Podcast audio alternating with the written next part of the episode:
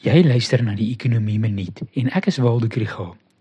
Verlede jaar het die minister van Handel en Nywerheid teenstortingstariewe op ingevoerde hoendervleis opgehef om so die prys van ingevoerde hoender te verlaag en verbruikers wat gebuk gaan onder hoë voedselprysinflasie te help.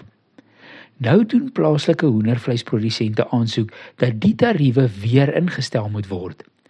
Mens dink die vraagstuk is so eenvoudig soos wil die minister die bedryf of die verbruiker help, maar dit is meer ingewikkeld as dit. Hierdie episode word ondersteun deur Economic Research Southern Africa en die NWI Sakeskool. Eerste moet mense duidelik maak dat dit gaan nie oor alle hoendervleis nie, maar oor gefriesde hoenderstukke wat nog die bene in het.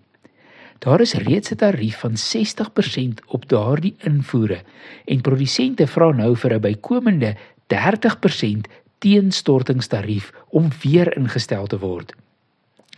Dan moet mens bysê dat die tarief is op die sogenaamde vry aan boordprys en dit is net ongeveer 35% van die kleinhandelprys. So die bykomende tarief is nie 30% op van die prys in die supermark nie, maar heelwat minder. Netwerk 24 se opskrif hieroor het gevra: "Sal jy 5% meer betaal vir hoender as dit werk in Suid-Afrika beskerm?" As jy na hierdie potsending luister, is die kans groot dat jy kan. Maar daar is baie huishoudings wat nie kan nie. Wanneer tariewe en meesterplanne bespreek word met die minister, is die produsente en die vakbonde om die tafel. Maar wie verteenwoordig die lae-inkomste huishouding?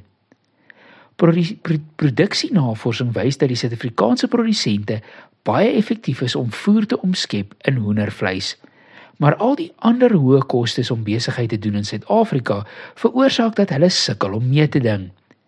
Dit is waarop die regering eerder moet fokus. Watervoorsiening, goeie paaie, wetstoepassing, betroubare elektrisiteitsvoorsiening en minder administratiewe rompslomp kan op die langtermyn baie meer beteken vir plaaslike produksie en werkskepping as wat enige tarief kan doen.